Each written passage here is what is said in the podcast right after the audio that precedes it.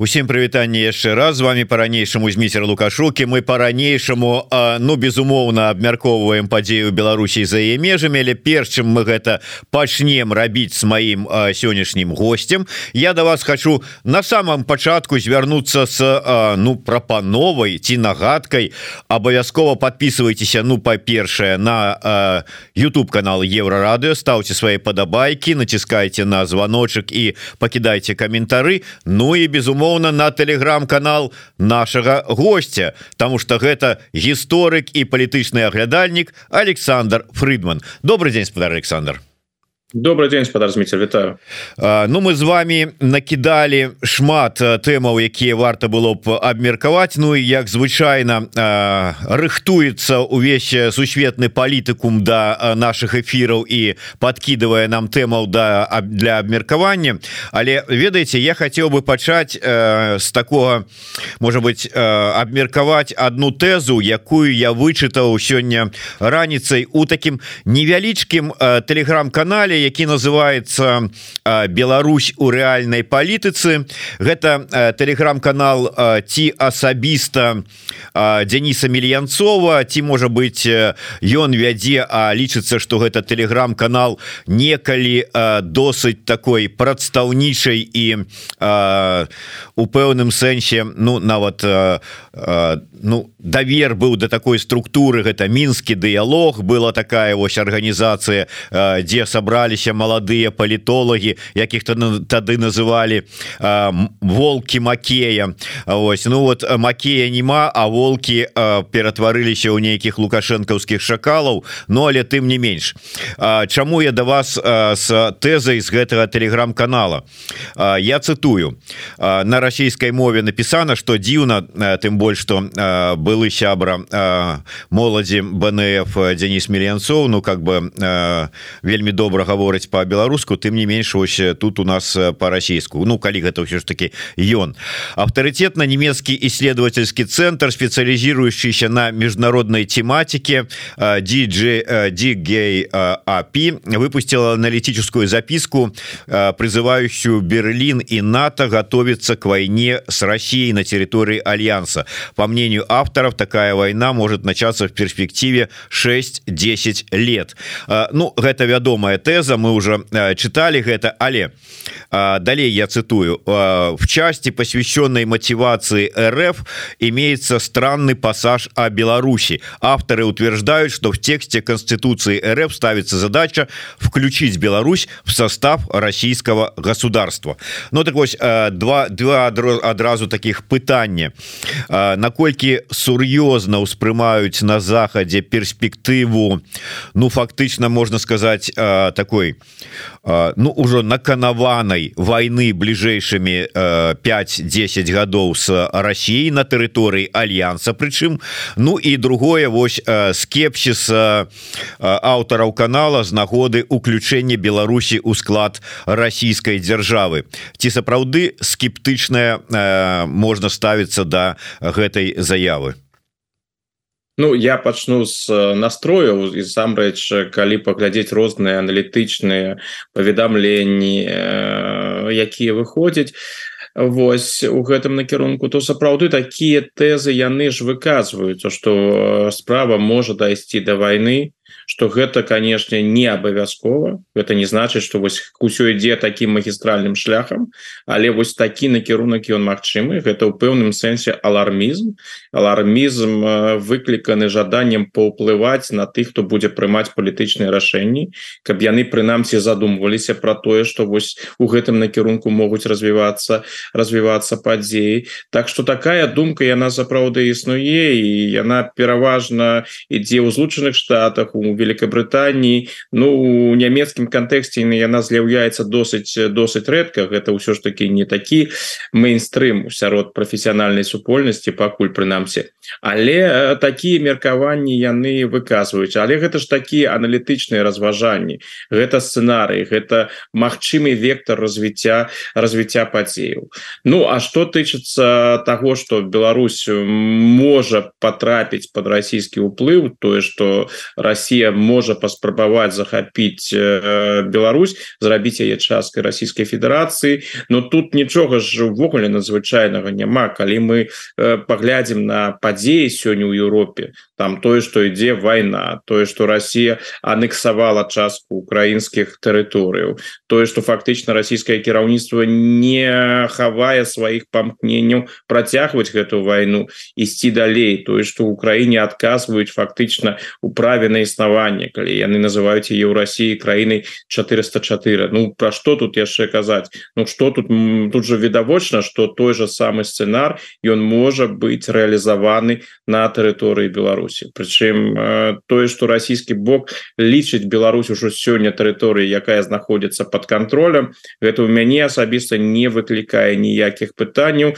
яны просто для сябе ўжо вырашылі что ўсё что ёсць Беларусю что трэба будзе вырашыць з Беларусю гэта ўжо пытанне фармальные ну, скончыцца э, война з Украінай і потым можем уже спокойно займацца іншымі пытаннямі у тым ліку і беларускім. Таму нічога такого надзвычайнага няма. Гэта на жаль такі сцэнар які можа быть реалізаваны і на вялікі жаль аншлюз Беларусі анексія Беларусі гэта куды больш верагодны варыянт чым усё ж таки вайна ў Европе. Так ці інакш у Европе ёсць НАТО. І каб перайсці тэрыторыю НАТО і пачаць барацьбу з альянсам прамую барацьбу з альянсам Ну гэта нават да сённяшняга расійскага кіраўніцтва будзе такі вельмі цяжкі крок. Што ж тычыцца Беларусі нейкія крокі прыняць на беларускім напрамку Ну тут для России Я думаю вялікіх праблемаў няма таму усе гэтыя піны наконт нямецкіх разважанняў яны недарэчныя. Э, тое что такі сцэнар можа быть можа адбыцца і сітуацыя для Беларусі будзе зусім дрэннай гэта цалкам верагодна на жаль.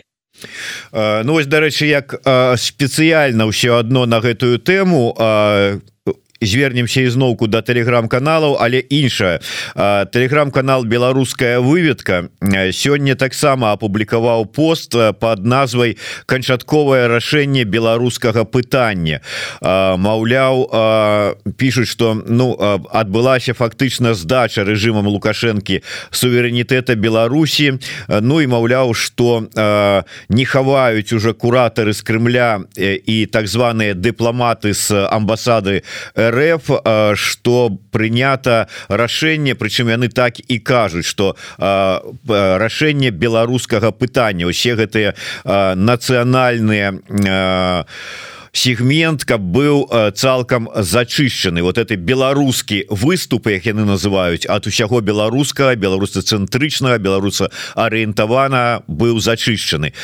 Як вы лічыце ці у сапраўды до да гэтага можа дайсці і э, якая ўсё ж таки будзе реакцыя у э, режима Ну ён же ўсё ж таки лічыцца что э, ну как бы вот мясцовы режим что ему по как бы суверэнітэт і незалежнасць э, дорагі гэтаму э, вот э, і ўсё астатняе. Ну вот як э, можа развівацца падзея Ну я пачну з того что конечно гэтая формулёўка канчатковае рашэнне беларускага пытання яна вельмі сумнеўная і ў гістарычным кантэксце недарэчная бы як вядома ж ведаем что такое канчатковае рашэнне пытання прынамсі яўрэйскага тое что тое что тое что рабілі нацысты Так что гэта с такими формулёўкамі трэба быць вельмі вельмі асцярожны конечно яны выклікаюць увагу але ўсё ж таки ну з майго пункта гледжання недарэчна іх ужываць у таким контексте кантэксце Ну а цяпер па сутнасці канешне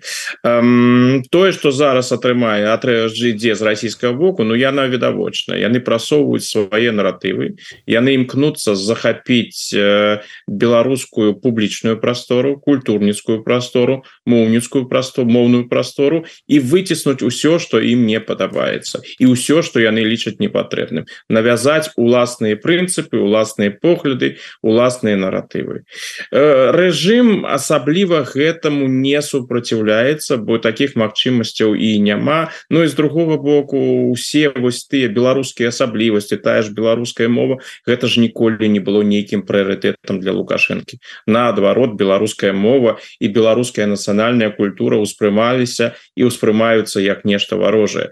Таму нейкага супраціву з боку рэжыма э, чакаць не не варта я думаю что режим не будзе асабліва гэтаму садзейнічаць але і супраціўляцца асабліва не будзе Ну что значыцца не не садзейнічае Вось ідзеш на кат ідзе гэтая шалёная кампанія супраць каліноўскага так ідзе яго шальмаванне у афіцыйных сродках масавай інфармацыі там як яны яго называюць паляк і іншае іншае іншае адмаўляюць яму ў статусе у статусе беларускага нацыянальнага героя. А тым не менш рэжым гэта ўсё дазваляе але вось нейкіх канкрэтных крокаў а канкрэтным крокам было прыватнасці перайменаваць тую ж вуліцу каліноўскага у мінску і скончыць так бы мовіць з каліноўскім раз і назаўсёды пакуль рэжым на гэта не ідзе. Паводзіць сябе досыць э, пасіўна. Я думаю ж так і далей будзе працягвацца. Росія будзе ціснуць Росія будзе навязваць і рэжым будзе ісці на кампрамісы. Мы ж гэта бачылі з помнікам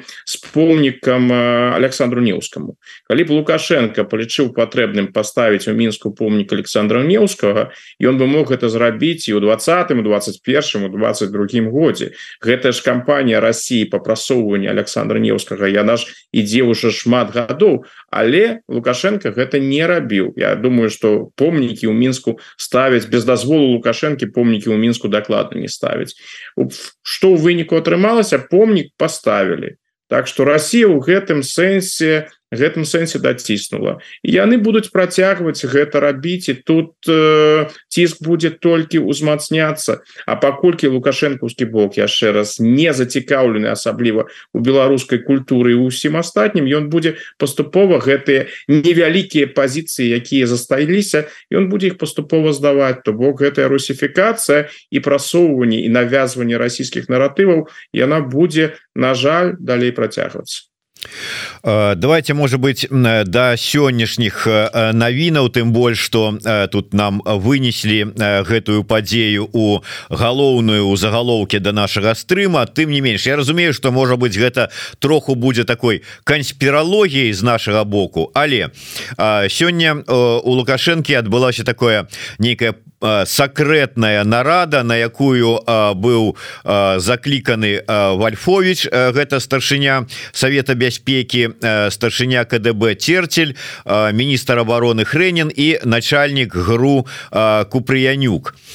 Про что гаварылі незразумела невядома інфармацыі ніякай няма. Паведамляецца что ўсё адбывалася под гры под грыфом сакрэтна Ну але вядома толькі что у ўсё гэта адбываецца у чаканні праз пару дзён будзе у мінску паседжанне АДКБ ну, вот у чаканні так бы мовіць гэтага адкрыцця гэтага пасяджэння АДКБ але что там можна абмяркоўваць такого сакрэтнага что вот под грыфом сакрэтна ўсё это рабіць? Вот ваши меркаванні Ну я думаю что вось гэтая сакрэтнасць якая подкрэсліваецца яна ж робіцца для того каб надаць дадатковую вагу ўсёй гэтай гісторыі тому что там адбылося.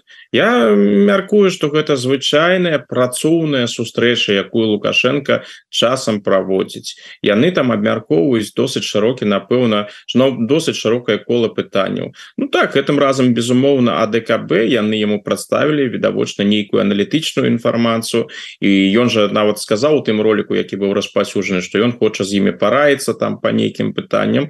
Ну тут одна з тэмаў відавочна гэта АДКБ будучыня АДКБ як это ўсё будзе развівацца там таксама быў досыць празрысты намёк на праблемы у шэрагах АДКБ на армянскі кейс это прысутнічала. А ў астатнім думаю быў звычайны спектр праблемаў і унутрапалітычнае становішча і становішча на мяжы. Мачыма абмяркоўвалі таксама вайну ва ўкраіне. Ўсё тое что там адбываецца. Стан беларускай арміі дзейнасць камітэта дзяржаўнай э, бяспекі думаю что закранули такие пытанні як дзейнасць э, дэмакратычных сілаў за межамі. Як вядома з апошніх асабліва апошнімі днямі гэта яшчэ больш відавочна стала гэтая іх цікавіць вельмі цікавіць. Мачыма абмяркоўвалі нават падрабязнасці той аперацыі по эвакуацыі якія яны праводзілі с сектару газа. А мне падаецца галоўным это былі такія звычайныя працоўныя моманты. Ну калі паглядзець на агульны кантэкст прынамсі на ўсё што на дадзены момант вядома ну нема там ніякіх таких звыш важных тэмаў якія бы патрэбна было абмяркоўваць у такім сакрэтным стане. Ну конечно можна яшчэ дадаць тэму выбору дарэчы вось я про яе забыўся выборы абвесілі трэба ж параецца як яны будуць праводзіць праводзіць выборы ў далейшым. Вось мне падаецца у такім накірунку хутчэй за ўсё досыць банальна без нейкіх асаблівасцяў Ну так але э, такого туману і сакрэтнасці э, нагнаць трэба так. э, асабліва на фоне ось нібыта такой э, звыш паспяховай аперацыі якую правяло КДБ э, внедрыўшы там ці завербаваўшы э, былога там актывіста ці там э, БХД аксёнова і э, прадставіўшы гэта ўсё на невядома Праўда як прадставіўшы. Вот профіт які атрымала КДБ ад усёй гэтай аперацыі. Вот я доўга думаў так і не змог яго зразумець. То есть вот яны за нейкія грошы за намаганні год працавалі а по выніку атрымалі інфармацыю. Ёй ім сакрэтна перадалі інфармацыю якую дабылі у адкрытых крыніцах. Вот які профіт вот ад усёй гэтай аперацыі на ваш погляд А тут трэба паглядзець на іх філасофію яны ж не бяруць якасцю яны бяруць колькасцю. Тут трэба было паказаць нейкія поспехи такія сур'ёзныя поспехи і на грамадскасць паспрабаваць не, ну, не ведаю вельмі паспяхова яны тура загрыміравалі. Так вот ну можна сказаць апаге аперацыі Ну так ну гэта ж так званыя поспехи гэта гэта эфекты. Яны ж не зацікаўлены яны гэтага не робяць каб там нехта сапраўды пачаў разважаць про тое ну якую яны інфармацыю дабылі? Ці гэта сапраўды каштоўная інфармацыя? Для публікі якая рэфлексуе і разважае усе гэтыя маніпуляцыі якія яны разбірабілі усе гэтыя кульбіты і яны выглядаюць так ну досыць досыць смешна. Але ім трэба прадэманстраваць дзейнасць трэба абвесціць нешта поспехамі трэба паўплываць на грамадскасць якая знаходзіцца ў Беларусі паказаць ну вось глядзіце мы здабылі такую суперважную інфармацыю Ну ты людзі якія абсаблюва не ўдумаюць ну скажу ну сапраўды цікава там пранік іх агент на нейкія там імпрэзы нешта паведам да ўвогуле вось якія яны спрытныя абдурылі гэтых беглых вось чалавека так у цёмную выкарыстоўвалі такі пэўны час. Вось ну, подлічылі колькасць бутербродаў якія былі на фуршетах пасля там канферэнцыі Вось гэта было б насамрэч цікава паразмаўляць з людзьмі якія жывуць у Беларусі і лічуць гэтую аперацыю поспехам і просто попросіць іх патлумачыць что насамрэч у гэтай сітуацыі з'яўляецца поспехам. На і калі вось так глядзець усё ж таки з іншага боку я бачу гэтай аперацыі з боку з пункту гледжання КГБ толькі адзіны поспех. І он заключаецца ў тым что мы сёння гэта абмяркоўваем что гэтая тэма уже існуе некалькі дзён і тое что у дэмакратычных колах безумоўна існуе гэтае пытанне про яго разважаюць ёсць недавер узнікаюць пытанні а ці аксёнаў адзіны А магчыма не адзіны. А Мачыма вось ёсць людзі якіх выкарыстоўваюць у цёмную А Мачыма ёсць людзі якія атрымліваюць і, і здаюць інфармацыю больш куды больш каштоўную і куды больш важную за грошы Гэта бяда усіх дэмакратычных сілаў у якія дзейнічаюць за мяжой і змагаюцца вось такімі рэжымамі кшталту лукашэнкаўскай дыктатуры. Тое что туды закидываюць розных шпіёнаў агентаў інфарматараў і імкнуцца знішчыць гэтыя дэмакратычныя структуры знутры пасеяць недавер э, і іншае вось гэта звычайная звычайная праца спецслужбаў. І ў гэтым сэнсе а пэўны поспех у іх ёсць. Зараз я думаю что у дэмакратычных колах шмат про гэта разважаюць. Кто там Мачыма з кім супрацоўнічае кому можна давяраць кому мой кому не не варта давяраць. І у гэтым сэнсе гэта ўжо пэўны поспех з пункту гледжання КДБ і Мачыма нават гэта больш для іх важна чым тая смешная інфармацыя якую яны там ад аксёнова атрымалі але глядзіце як по мне то нават у гэтай сітуацыі ну нічога такога звыш яны яны не да, не дасціглі. Таму что мы можем конечно там троху с усмешкой казаць про тое что ну вот Зянон станіславович у чарговы раз абазваў усіх агентурай і маргенезам але мы усе даўным-даўно ведаем что ну не спяць у шапку белару лукашэнкаўскія спецслужбы что э, агентура агенты э, там э, адданыя ці выпадковыя падманутыя ці адмыслова самі там працуючы на это. Ёсць былі і ёсць Ну смешна было б каб іх не было. Таму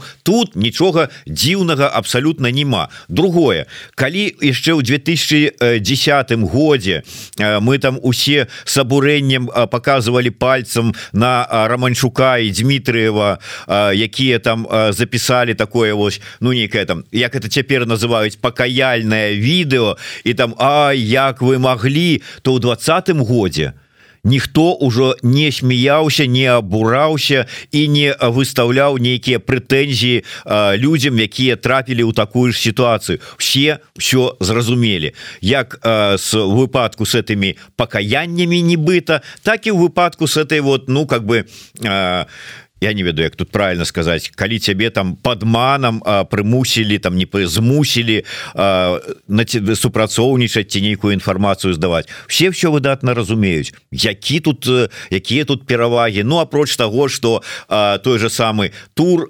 якога под нейкага бізона спрабавалі загрыміраваць выдаў некалькі сюжэтаў по БТ і все Я калі назіраў за гэтай гісторыі мне цяжка было б схаваць усмешку вось назіраючы асабліва за турам і за спадаром бычака мне падаецца. Mm -hmm супрацоўнікам КДБ. Я знаю гэта глядзеў і просто задаваў себе так пытанне наколь не пытанне это было хутчэй сцверджання наколькі сённяшні беларускі КДБ такі звычайны савецкі КДБ.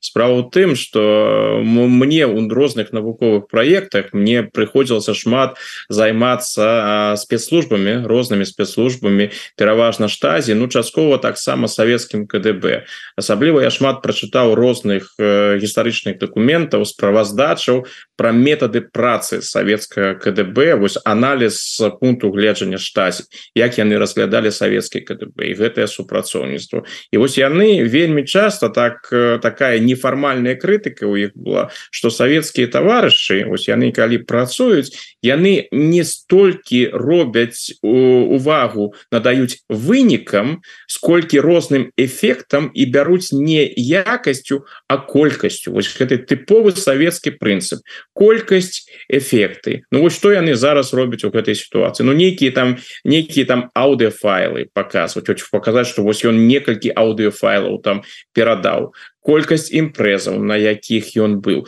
то бок колькасць колькасці вось такія пафосныя словы там того ж тура альбо бычыка і іншых но а а что яшчэ Ну а что далей чаго вы сапраўды дамагліся і калі гэта быў такі каштоўны агент Чаму ж вы спынілі з ім супрацоўніцтва і просто такую вось зрабілі аднамомантавую феерыю і на гэтым ўсё ўсё скончылася. А ўсё вельмі просты адказ на гэта якаснай працы там не было нічога цікавага яны не атрымалі. Яны не атрымалі нічога такога что можна было сапраўды выкарыстаць у сур'ёзнай дэструктыўнай працы. Таму яны вырашылі ў пэўны момант что сэнсу гэта далейшага не мае. Зробім вось такую эфектную аперацыю прадэманструем дарэчы напрыканцы году. Ну, напрыканцы ж году мы ж мы же гэта же стары савецкі прынцып. Трэба трэба напрыканцы года дэманстраваць поспехи Вось яны вырашылі такі вялікі поспех прадэманстраваць. Ну з іх пункту гледжання. Ці абвесціць гэта вялікім поспехам. Прадэманстравалі. Выдатна. Гэта можа і лукашэнку самому і іншым спадабалася як там разводзілі у двукосі гэтых беглых. І ўсё на гэтым на гэтым спынілася. А якаснага выніку няма і быць і быць не магло. Так что гэта такі сапраўдны прапагандысцкі пшык. Ну адзінае что яны дасягнулі что мы сапраўды про гэта размаўляем что гэта стало тэмай. І напэўна у колах дэмакратычных сілаў про гэта размаўляць яшчэ больш але э, мне падаецца что гэта добры вынік для дэмакратычных сілаў прычым за грошы КДБ э, я пра што маю на увазе Ну э, пачынаючы з такого банальнага гэты вось так так званы семінар э, які праходзіў у моладзевым хабе і завершыў завершыўся гэтым э, відэозваротам э, бычыка ён же ж быў за грошы э, КДБ арганізаваны. Э, але і называўся яшчэ так там про бяспеку так вось по выніку тое что мы атрымалі ось усю гэтую гісторыю гэта нас все ж таки навучыць таму что бяспеку трэба э, да бяспекі трэба ставіцца сур'ёзна. І тое что мы зараз гэта абмяркоўваем гэта ізноў такі э, мы э, как бы так яшчэ раз акцэнтуем увагу на тым что бяспека гэта важно да бяспекі трэба ставіцца сур'ёзна. Ну і вось тэма бяспекі стала актуальнай за грошы КДБ безумоўна у гэтым канешне ёсць сэнс. Ну і гэта яшчэ раз насамрэч гэта показвае метады метады працы. Яны ж такія досыць досыць павярхоўныя. Но гэта ўсё выглядаюць ну вельмі так несур'ёзна назовем это так. Альбо по дылетантску нават нават можна сказать. Але э, задумываться про гэта трэба. Зразумела что яны актыўна працуюць. Зразумела что яны павінны дэманстраваць там нейкія вынікі. І вось яны будуць гэта працягвацца працягваць гэта гэта рабіць. Гэта гэта праца КДБ і гэта праца прапагандыстаў якія супрацоўнічаюць с беларускімі уладамі супрацоўнічаюць КДБ да гэтага трэба ставіцца вельмі уважліва до гэтага трэба ставіцца у сур'ёз не трэба казаць что яны там нічога не варты яны нічога не умеюць рабіць. Не узровень у іх пэўны ёсць гэты ўзровень не не, не трэба перабольшваць яго не трэба таксама казаць что там узроўню нейкага няма. Ён ёсць і до да гэтага трэба ставіцца ставіцца сур'ёзна. Вось гэта асноўная выснова з гэтай гісторыі. а Ну і тады працягнем. На тэму ставіцца сур'ёзна але да іншай падзеі. Ці ставіцца сур'ёзна нам да таго что 25 лютага 24 -го года пройдзе адзіны дзень галасавання. Ось лукашенко учора подпісаў адпаведны там закон дэкрэт о, о назначении выборов депутатов як слушна пожартаваў палітычны аглядальнік Александр Александр Класкоўскі можно было скоротить назву и написать просто о назначении депутатов. Але наколькі сур'ёзна ставится да усяго гэтага вось мерапрыемства якое чамусьці называюць выборами Ну і з пункту гледжання нейкіх дэмакратычных працэдураў канкурентнасці іншая гэта гісторыя ўвогуле не пра гэта. Тое что гэта гісторыя прызначэння будзе Ну гэта таксама відавочна. Просто гэта такая с такого штату тест які даст там атрымаем дадатковую інфармацыю про то як рэжым працуе якімі метадамі у якім ён стане ён знаходзіцца Так что гэта кампанія якую гэты рэжым праводзіць. Трэба будзе паглядзець як ён яе будзе праводзіць каго там зробіць кандыдатамі. Вось так мовіць гэта нам покажа у якім стане на дадзены момант гэты рэжым знаходіцца Вось гэта толькі той вынік які мы атрымаем. Ну з пункту гледжання нейкіх там кампаній нейкіх магчымасцяў для агітацыі Ну гэтага увогуле не будзе. Я сыходжу з таго что гэта будуць цалкам стрыльныя выборы і будуць зразумела усе тыя кандыдаты якія будуць абраны як заўсёды гэта было яны будуць э, прызначаны. Цікава будзе напрыклад паглядзець канешне у якой ступені ступені вось партыі будуць прысутнічаць. Колькі там будзе партыйных кандыдатаў. У якой ступені яны ў гэтым разам прызначыць жанчын. Вось. Так что мы даведаемся нешта новое атрымаем э, з пункту гледжання что гэты рэжым сёння сябе уяўляе Вось і ўсё. Як звычайна гэта бывае на так званых выборах у дыктатурах. А нейкіх сапраўдных выбораў Ну якія там выборы будуць але як вы думаете ці варта ўсё ж таки дэмакратычным сілам ну нейкім чынам рэагаваць на гэтыя падзеі? Ну як адна з магчымых рэакцый ці как бы так адказ на гэтыя так званыя выборы прапанавалася правесці выборы у каардынацыйную раду? Ну іх у любым выпадку планавалася правесці але вырашалі что гэта будзе пададзена як ну вот у вас свае вы выборы у нас свае выборы. Праўда нейкая пакуль что незразумелая ситуация с этими выборами у коорднацыйную раду. Але ці варта увогуле как бы так одно другому вот звязывать одну падзею с другой падзеей казаць что а вот это вот наш отказ вот на вот это ваше дзеянне Ну, гэта конечно з аднаго пункта гледжання гэта палітычная барацьба і ўсё ж таки паколькі ў Беларусі выборы абвешчаны і калі ёсць жаданне каб у выборах у коорднацыйную раду удзельнічалі но ну, не удзельнічалі якасці кандыдатаў відавочна а ў якасці тых людзей якія будуць аддаваць галасы тыя людзі якія жывуць у Беларусі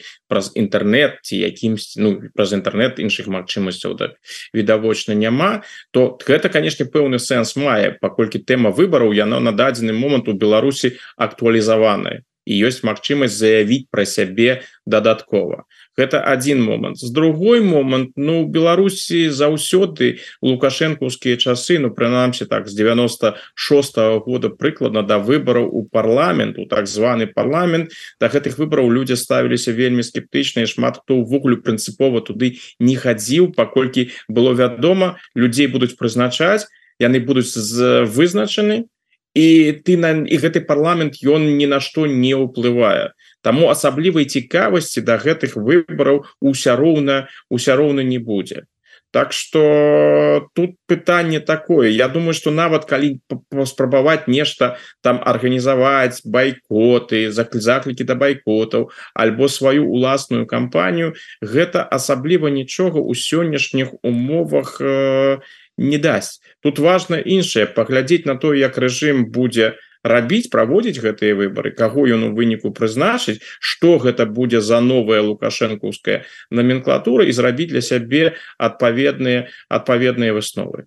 Я шчыра кажучы не думаю что вось калі вось прызначыць не выборы зараз у кардыцыйную раду і сказаць что вось гэта альтэрнатыва тому что адбываецца сёння у Беларусі что гэта нейкім чынам подвысіць увагу так ад нацыйнай рады але Мачыма я і памыляюся. Тут людзі якія займаюцца гэтымі пытаннямі ім яны гэта бачаць лепш напэўна лепш разумець Ну э, не ведаю. Мне падаецца что напрыклад заява э, прокоп'ева э, можна по-рознаму ставіцца до да гэтага чалавека. Але заява на тое что ён возьме удзел у выборах у коорднацыйную раду больше увагі да ўсяго это процессу надасць чым усякія заявы что мы там як супрадзеяць і мы там яшчэ там нешта. А менавіта асобы і ввогуле мне будзе цікава паглядзець на процедуру як галасаванне будзе арганізавана і хто які ўсё ж таки як бы кантынгент возьме удзел у гэтай у гэтым галасаванні?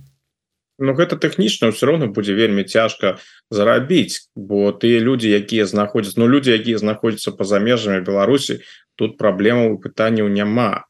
А вось тыя што знаходзяцца ў Беларусі Ну мне те для для людзей якія жывуць у Беларусі калі ім нават патлумачыць ніякай рызыкі у тым что ты удзельнічаеш у гэтых выборах няма уся роўна люди ж ведаюць беларускую рэчаіснасць і у тэхнічнай галіне у КДБ і у тых же іншых беларускіх дзяржаўных структураў у іх былі пэўныя поспехи Так что я думаю что нават ты люди якія патэнцыйна жадалі бы прыняць удзел у выборах у гэтую кантрна-каардынацыйную раду яны шмат разоў падумаюць перад тым як гэта зрабіць. Гэта першы момант. А другі момант ну цяжка людям якія жывуць у Беларусі патлумачыць навошта патрэбна каардынацыйная рада якая цікавасць для когда якая якое задача каардынацыйнай рады что каардынацыйная рада робіць. Ось я некалькі тыдняў тому я глядзеў колькасць людзей якія вось сочаць за паседжаннямі каардынацыйнай рады якая там колькасць прагляду гэта ж ўсё доступна у Ютубе. Эту празрыстасць дарэчы можна толькі вітаць. Это толькі так гэта вельмі добрый крок у развіцці парламентарызму альбо протапарламентарызму ў Беларусі тое што гэтыя пасежы недаступны і тое што людзі ўвогуле могуць паглядзець у тым ліку і Беларусі як выглядае рух выглядаюць дыскусіі розныя думкі плюралізм меркаванню гэта вельмі добрая справа насамрэч але цікавасць ну скажем так пока па колькасці праглядаў яна сапраўды невялікая Так что выглядае так что значнай колькасці людзей якія жывуць у Беларусі нават тым людям якія по-ранейшаму застаюцца на дэмакратычных пазіцыях асабліва дзейнасць каардынацыйнай рады не цікавая выглядае так. а Э, ну так у адрозненні ад наших з вами стрымаў э, цікавасць э, досыць такая вялікая. І таму я яшчэ раз звяртаюся да ўсіх не забывайтеся подписываться як на наш YouTube. Ну для я звяртаюся найперш з гэтай просьбай ці парадай да тых кому гэта бяспечна рабіць. Ну у любым выпадку каментуйте ставце свае падабайкі Ну і калі бяспечна то расшарвайте Ну і про телеграм-канал Александра Фрыдмана не забывайтеся таксама. Я зачаплю гэтую вось уладную так бы мовіць беларускую вертыкаль але з выхадам на ўжо міжнародныя таксама падзеі.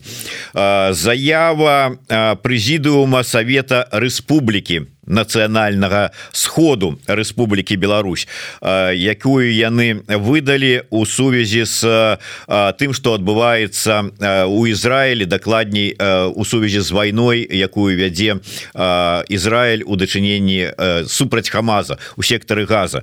Так вось гэтая структура лукашэнкаўская якая называе сябе Саветам Рэспублікі у осужда решительно решительно осуждает нанесение ударов по объектам гражданской инфраструктуры в секторе газа включая лагеря беженцев госпиталя школы. Это настоящая мировая трагедия когда в результате обстрелов гибнут ни в чем не повинные люди. Ну вот такая заява президиума совета республики. Ну и як протяг может быть я про заяву гутырыша які заявіў про тое что нібыта вот на сёння ўжо у сектары газа загінула э, такая не бывалая колькасць людзей что маўляў э, за апошні час э, не под час якіх канфліктаў столькі людзей не гінула. Ну ён відаць просто не ведае хотя б колькі загінула у адным Марыуполе калі яго расійскія акупанты захаплівалі і бомбілі але тым не менш вось две такія заявы гутарыша с аднаго боку і лукашэнкаўскага совета Рэспублікі. Нейкая такая дзіўная паралель у мяне напрашивается падабенства а ўвогуле ваша ацэнка двух гэтых заяваў? Я пачну з генсека А Ну ён гэта яго прынцыповая пазіцыя. Ён ужо даўно і жорстка Ізраиль крытыкуе і асужае гэтую аперацыю прычым выкарыстоўвае зусім розныя тэрміны яны вельмі жорсткія ў дачыненні у дачыненні да Ізраіля. Я б не назваў яго пазіцыю аб'ектыўным паколькі яго цікавіць пераважна ахвяры яго цікавіць на адным баку тое што адбываецца у Ізраілі тое што адбывалася ў Ізраілі сёмага кастрычніка забойствы які учыніў хамас гэты ж абсалютна жахлівы гвалт які стаў прычынай сённяшняй военной аперацыі. Дзяржавы Ізраиль Ну гэта яго так асабліва непакоіла. Что тычыцца вось гэтага параўнання з майго пункта цалкам слушнага параўнання якое вы зрабілі з сектор газа з аднаго боку а Марыуполь з другого боку Ну тут крытыка з боку Ан яна была сапраўды зусім іншай. У выпадку Марыуполя яна была досыць стрыманай ўсё ж таки а тот же гутер верыш ён для сябе лічыў. Гэта Россия з Россией трэба сябе паводзіць там вельмі асцярожна. І іншае таму такой жорсткай крытыкі у гэтым выпадку не было. А тут же трэба сказаць адкрытым чынам гэта прынцыпова розныя аперацыі. Ізраиль абараняецца из на Ізраіля быў напад і таму Ізраиль вядзе тую вайну якую сёння вядзе Ізраиль у сектары газа гэта абарончая вайна безумоўна перамога перамога не перамога перавага военная яна цалкам на баку Ізраіля у Ізраіля зусім іншыя іншыя магчымасці ну тыя якімі с якімі сродкамі вядзецца вайна Ну гэта ўжо іншае пытанне про гэта можна спрачацца. Але тут усё зразумела. Першапачаткова быў напад хамаса і тое что мы зараз назіраем гэта ізраильскі адказ. У выпадку Марыуполя і іншых украінскіх гарадоў гэта быў выразны напад Российской Федерации Российская Федерация напала на Украіну і Российская Федерация займалася займаецца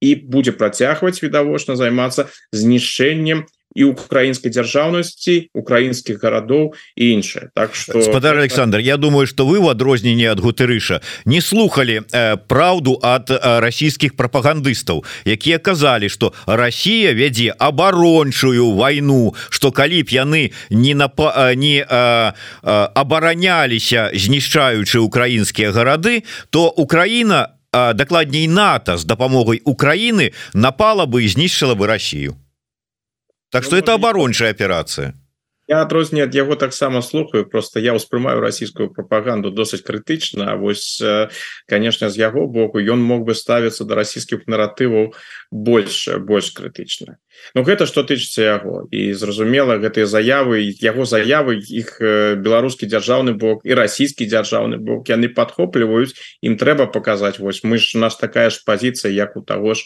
ант что тычыцца заявы Савета Рэспублікі но яна сапраўды цікавая. Першае пытанне якое узнікае чаго вы чакалі. Ну гэта ізраильскія бомбардзіроўкі яны ўжо ідуць з сёмага 8 кастрычніка. А вам спатрэбілася полтора месяца фактычна каб зразумець тое что адбываецца ў сектары газа это першым другое Ну як яна вытрымана гэтая заява это таксама такая такая цікава бо это такі вельмі тыповы документ лукашэнкаўскай эпохі поставлены до гэтай войны з аднаго боку сімпатыі да палестынскага боку Ну яны зразумелыя яны бачныя яны прасочваюцца сярод праз страны праходзяць праз усю беларускую дзяржаўную прапаганду. То бок там зразумела сімпатыі цалкам на палестынскім баку адначасова ідзе вось шмат вельмі пафосных допісаў наконт того что робіць Ізраиль вось наконт вайсковай аперацыі Ізраіля.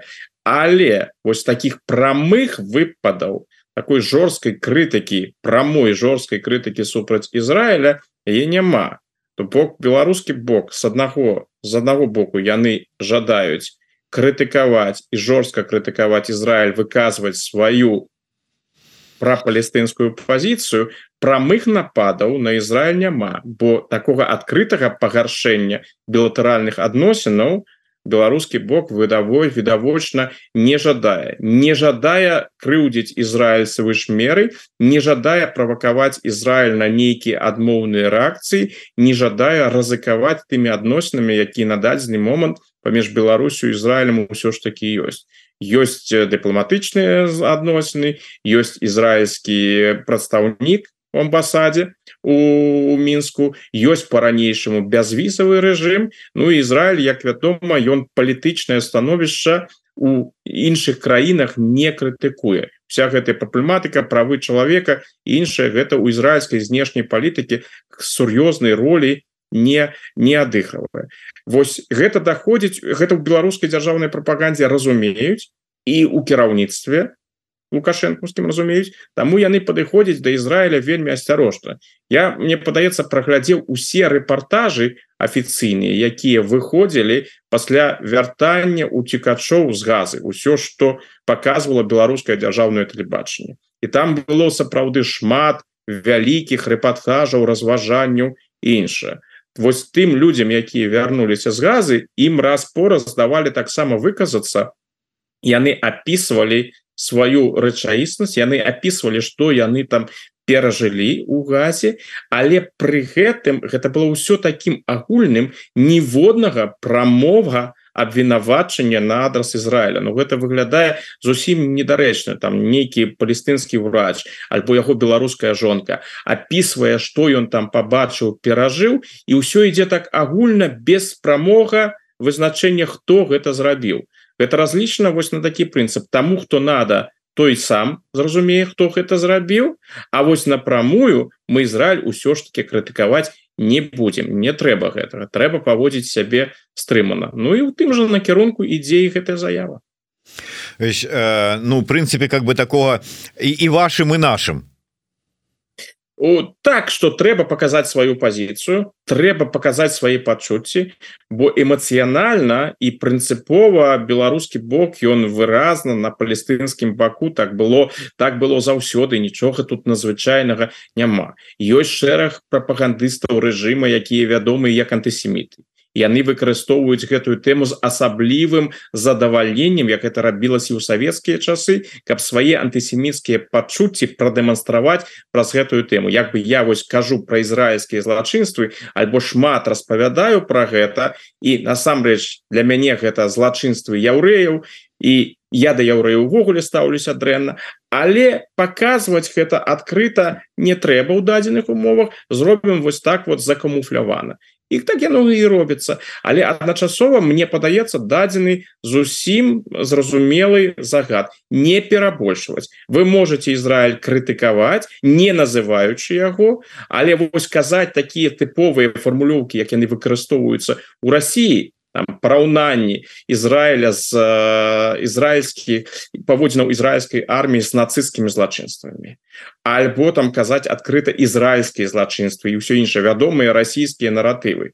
Яны ў беларускай дзяржаўнай прапагандзе сістэматычна не выкарыстоўваюцца. Калі выкарыстоўваюцца дык у розных ну зусім радыкальных э, прапагандысцкіх тэлеграм-каналах. А вось калі паглядзець на саму дзяржаўную прапаганду там усё больш зразумела там усё зразумела але ўсё ж таки досыць стрымана я бачыў сёння у вашым телеграм-канале так зараз я пагляжу. Вы давалі дадзеныя якія атрымаў на даследчы цэнтр з балонні і там даследаванне было сярод студэнтаў Ну наконт я так разумею тых падзеяў про якія мы зараз з вами і кажам. Тое что адбываецца в Ізраілі в сектары газа.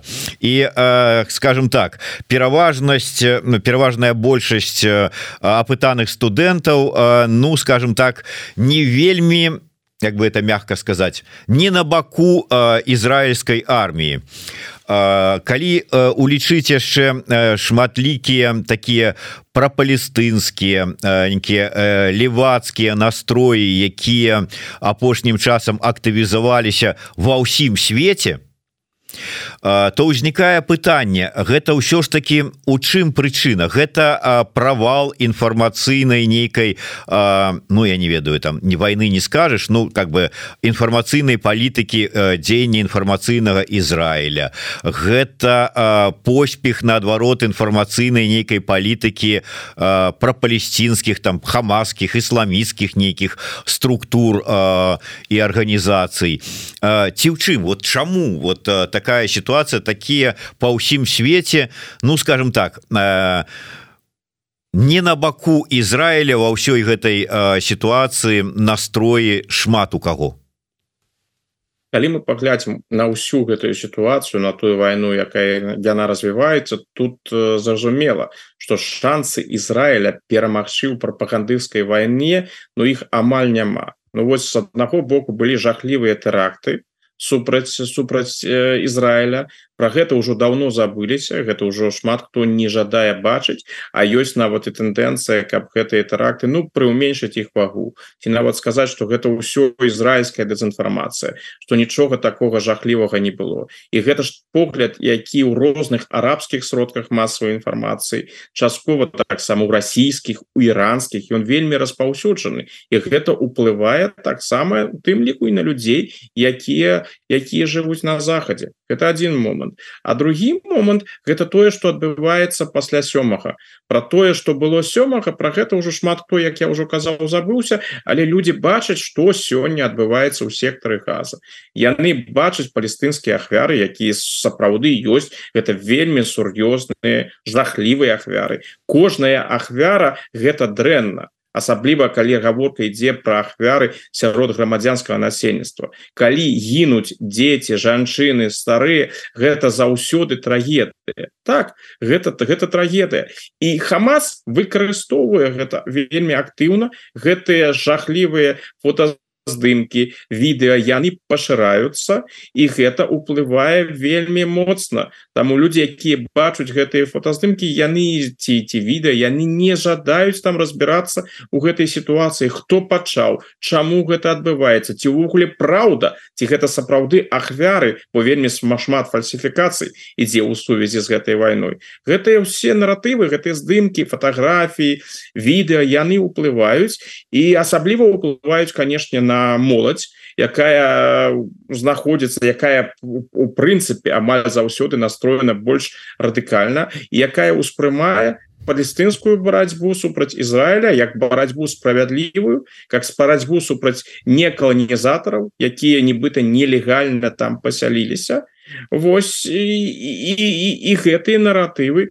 Яны прысутнічаюць яны яны нават будуць усё шырэй шырэй распаўсюджаць яны будуць больш моцныя хаця по той прычыне что ахвяраў будзе ўсё больш і больш і больш. Так что у Ізраіля нават шансаў я б нават з самага пачатку мне гэта было зразумела нейкіх шансаў перамагчы ў гэтай барацьбе не было про антыізраильскі настроі будуць вельмі пашырацца. Ну гэта італьянскае пытанне якое вы згадали яно жахлівае у тым сэнсе бо яно показвае наколькі у маладыя люди студэнты маладыя студэнты не разумеюць тое что насамрэч там адбываецца мы можем вельмі доўга спрачацца про ізраильскія методы і іншае іншае іншае но калі 46 там калі не памыляюць адсоткаў гэтых студэнтаў у трох італьянскіх сур'ёзных універсітэтах то кажуць что тое что робіць ізраильская армія гэта фактычна тое ж самае что нацысты у свой час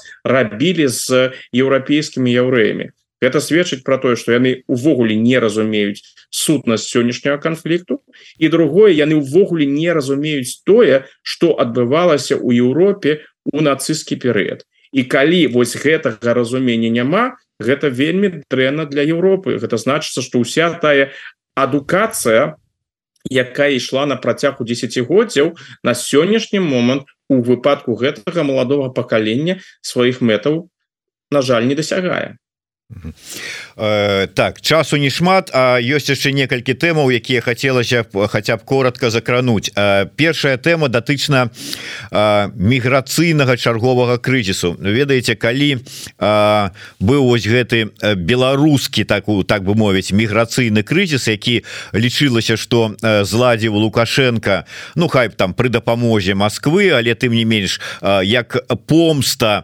Еўросаюзу за тыя санкцыі якія былі перад гэтым уведзеныя за непрызнанне і гэтак далей за падтрымку дэмакратычных сілаў. Яны зладзілі такі вось міграцыйны шантаж найперш на мяжы з Польшчай. Вельмі шмат. І Европа аказалася на той момант цалкам не готовая да вось гэтага міграцыйнага крызісу с гэтай усходняй мяжы Евросаюза яны былі готовыя там давно готовыя да тых мігрантаў якія спрабуюць спрабуюць потрапіць у Еўросаюз там праз Італію там вось адтуль з поўдня а тут цалкам не і калі б не прынцыповая рэзкая і жорсткая пазіцыя Польшчы то то невядома чым бы это все скончылася пакуль тая ж самая Германія Францыя разявіўшы рот стаялі і не ведалі что рабіць. Но але час змяніўся как бы ўжо прыйшлі ў сябе ўсе. І зараз мы назіраем за як это нават ужо называюць гібридная война России праз міграцыйны крызіс які Россия стварае на мяжы з Фінляндыяй. Якой якім будзе якой будзе реакцыя е ЕС цяпер у дадзеным выпадку с улікам вопыта атрыманага год таму на беларуска-польскай мяжы. Ну, мы ж бачым что фінскія ўлады плануюць дзейнічаць вельмі жорстка ніякай крытыкі з боку еўразвяза зараз няма таких поглядаў что можа там невялікая колькасць людзей можа трэба их узять пропусціць і на гэтым усё скончыцца як это было у 21 годзе у 21 годзе там же былі гэтыя галасы ў Европе якія казалі Ну якая там колькасць людзей на мяжы там беларуска-польскай Ну колькі іх там? 6 тысяч ну 7 тысяч 10 тысяч гэта по меркам то такой колькасці людзей якая прыязджае кожны год у еўразвяз у такія краіны як у Германію Швецыю Францыю іншыя гэта сапраўды невялікая колькасць. Сёння гэтага няма. Няма нейкай крытыкі фінскіх уладаў што яны там плануюць дзейнічаць жорстка. Няма крытыкі няма галасоў у той бок что гэтых людзей трэба прыняць. Так что выглядае что стаўленне да міграцыйнай палітыкі у еўразвязе яно змянілася. Цікавым насамрэч у гэтым кантэксце таксама з'яўляецца пытанне А чаму Россия вось робіць гэта праз Фінляндыю Чаму не выкарыстоўваецца ну знаёмы сцэнарый праз спрабаваць праз Польшу праз літву праз э, Латвію Ну тут Мачыма пытанне і ў абсталяванні мяжы у тым что яны лічаць что тут уже падрыхтаваны Афіны Мачыма так не падрыхтаваны і можа там гэта адбудзецца А Мачыма яны баяцца вельмі жорсткай рэакцыі з пункту лес Богу Польши краіну Балты что мяжа будзе зачынена і гэта значыцца что не будзе увогуле ніякага транзіту больш А гэта тое что не падабаецца таму ж Китаю. Можа у гэта і адна з тых прычынаў чаму сёння міграцыйны крызіс адбываецца на мяжы з Фінляндыі Ну і канешне яны жадаюць Фінляндыю наказаць за тое что яна займае выразную праукраінскую пазіцыю что яна пастаўляе зброю ў краіне что яна уступила ў НАТО. Але тут яны памыляются яны не ўлічваюцца настрою у фінскім грамадстве. Просто у фінскім грамадстве у сувязі з падзеямі Украі ва ўкраіне вельмі актуалізавалася тэма паўночнай войны 39 40 -го гадоў. І у Фінляндыі лёс Украіны яны прымяраюць на сябе. Яны ж адкрыта кажуць у Фінляндыі что яны про гэта пра, пра, простое пра што зараз праходзіць Украіна яны ўжо прайшлі ў 39 40 годзе. На іх таксама напалі. Яны вымушалены былі абараняцца. Яны ў выніку страцілі частку сваёй тэрыторыі. Так что кому кому на захадзе увогуле э, справа Украіны зразумелая так это Фінляндыі так дарэчы сёння 10 гадавіна майдану. А асабіста для вас гэты майдан гэта что якая наколькі Ну і як вы думаете для беларуская пропаганда шмат кажа что вот не было б майдану не было б вось усяго то что того что зараз адбываецца ва ўкраіне. Як вы ацэньваеце усе гэтыя падзеі і тую рэвалюцыю годнасці гэта безумоўна гістарычныя падзеі. Напэўна гэта одно з галоўных гэта одна з галоўных падзеяў еўрапейскай гісторыі 21 стагоддзя. Слушна кажа зяленскі что гэта вайна якая змяніла гісторыю і гэта была першая спроба такого сур'ёзнага моцнага рэваншу з боку Росіі Ну можа не першая напэўна все ж таки Грузія была спробай першай 2008 годзе. Але гэта лёсавызначальныя падзеі. Яны вызначылі накірунак развіцця Украіны. І яны вызначылі яны показалі ўсю радыкальнасць расійскай схільнасці да рэваншу. Так что гэтыя падзеі ў гісторыі яны застануцца. Ну а для мяне асабіста гэта таксама падзей які ў пэўным сэнсе змянілі маё жыццё паколькі до 2013 14 года да еўрамайданаўскіх падзеяў да да гэтай да гэтай рэвалюцыі я украінскімі тэмамі амаль не займаўся першай быў звычайным акадэмічным даследчыкам. Тое что я займаюся у пэўным сэнсе палітычным аналізам публіцыстычнай дзейнасцю і займаюся ўсё больш больш актыўна украінскай гісторыі палітыкай гэта гэтыя падзеі гэта той момант калі украінская гісторыя украінская палітыка прыйшла ў маё асабістае жыццё Ну і на завяршэнне э, можа быть закранем трошечку Аргентин Аргентыну. Перамога мілія у гэтых прэзідэнцкіх выборах яго называюць то фрыкам то клоунам то ультраправым радыкалам то яшчэ невядома кім. Саму Аргентыну краіна третьяга свету там з невядома якім там аўтарытарным ці там яшчэ там якім там строем і гэтак далей. Але адбыліся выборы і і чалавек які набраў большасць галасоў ён перамог. І тут мы з вами говорили про беларускія так званыя выборы і тут можна і двадцатый год прыгадаць і э, наступны год вот что там будзе. Ось атрымліваецца что Беларусь нават э, ніжэй за Аргентыну і краіны лацінскай Амерыкі стаіць э, у вось гэтым у э, Ну на гэтых э, калі мы говорим про гэтыя позиции в правядзенне выбораў і свабода некое выказывание э, народа. Ну калі параўнаць з сённяшнімі з краінамі паўночнай па паўднёвай Амерыкі Ну так там цяжка знайсці краіну якая у якой справы з правамі чалавека і са свабодамі выглядаюць больш дрэнна чым у Беларусі. Ну напэўна калі увогуле параўноўваць дык з Венесуэлай Вось з роднай лукашэнку дыктатурай. Аргентына гэта краіна дзе дэмакратычныя традыцыі прысутнічаюць. Гэта ўсё было не без цяжкасцяў. Гісторыя Аргентыны асабліва ў двадцатым стагоддзі гэта гісторыя военных дыктатураў і жорсткіх крывавых дыктатураў. Але зараз ёсць у Аргентыны ўжо пэўная дэмакратычная традыцыя. Так что сённяшні новый прэзідэнт ён перамог над цалкам свабодных дэмакратычных дэмакратычных выбараў. Гэта насамрэч вельмі цікава бо ён у яго вельмі супярэчлівая радыкальная праграма. З аднаго боку ён у яго вельмі кансерватыўныя погляды. Нават гэтая схільнасць да правага радыкалізму яна таксама прысутнічае. З іншага боку ён абвяшчае сябе партнёрам захада і жадае змагацца з дыктатурамі жадае пераглядзець і адносіны з Китаем жадае пераглядзець адносіны з расійскай Федэрацыі і кажа што у Аргентине Палесціне няма чаго рабіць у брыксе лепш супрацоўнічаць за злучанымі штатнымі і з Ізраілем. І он стаіць на праўкраінскіх пазіцыях. Это таксама можа быть цікава хаця б таму что Аргентина прынцыпова могла б нават пастаўляць зброю Украіне тэарэтычна сёння сёння Аргентина стаіць на нейтральных пазіцыях Так что у сэнсе Украины гэта гэта безумоўно такі э, цікавы і паспяховы паспяховыя выборы Ну і напэўна апошняя до гэтай темы Путін ён праз пэўны час ён павіншаваў аргентинская прэзідэнта. Зяленскі быў дарэчы адным з першых. Лукашенко наколькі мне вядома яшчэ гэта не зрабіў. Хаця менавіта там пра супрацоўніцтва паўднёвай Амерыкі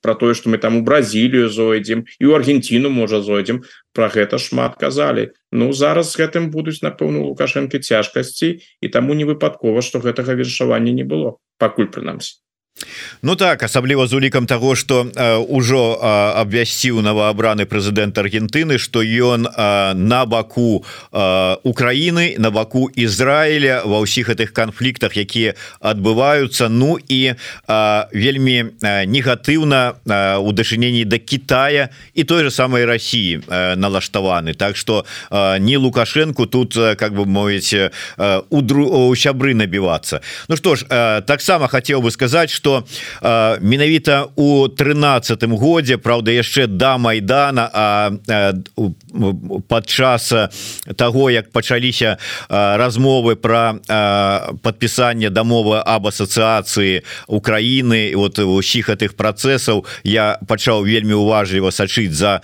э, тым что адбываецца ў гэтай краіне якія змены там адбываюцца. Потым безумоўна майдан потым безумоўна пачатак э, расійскай агрэсіі.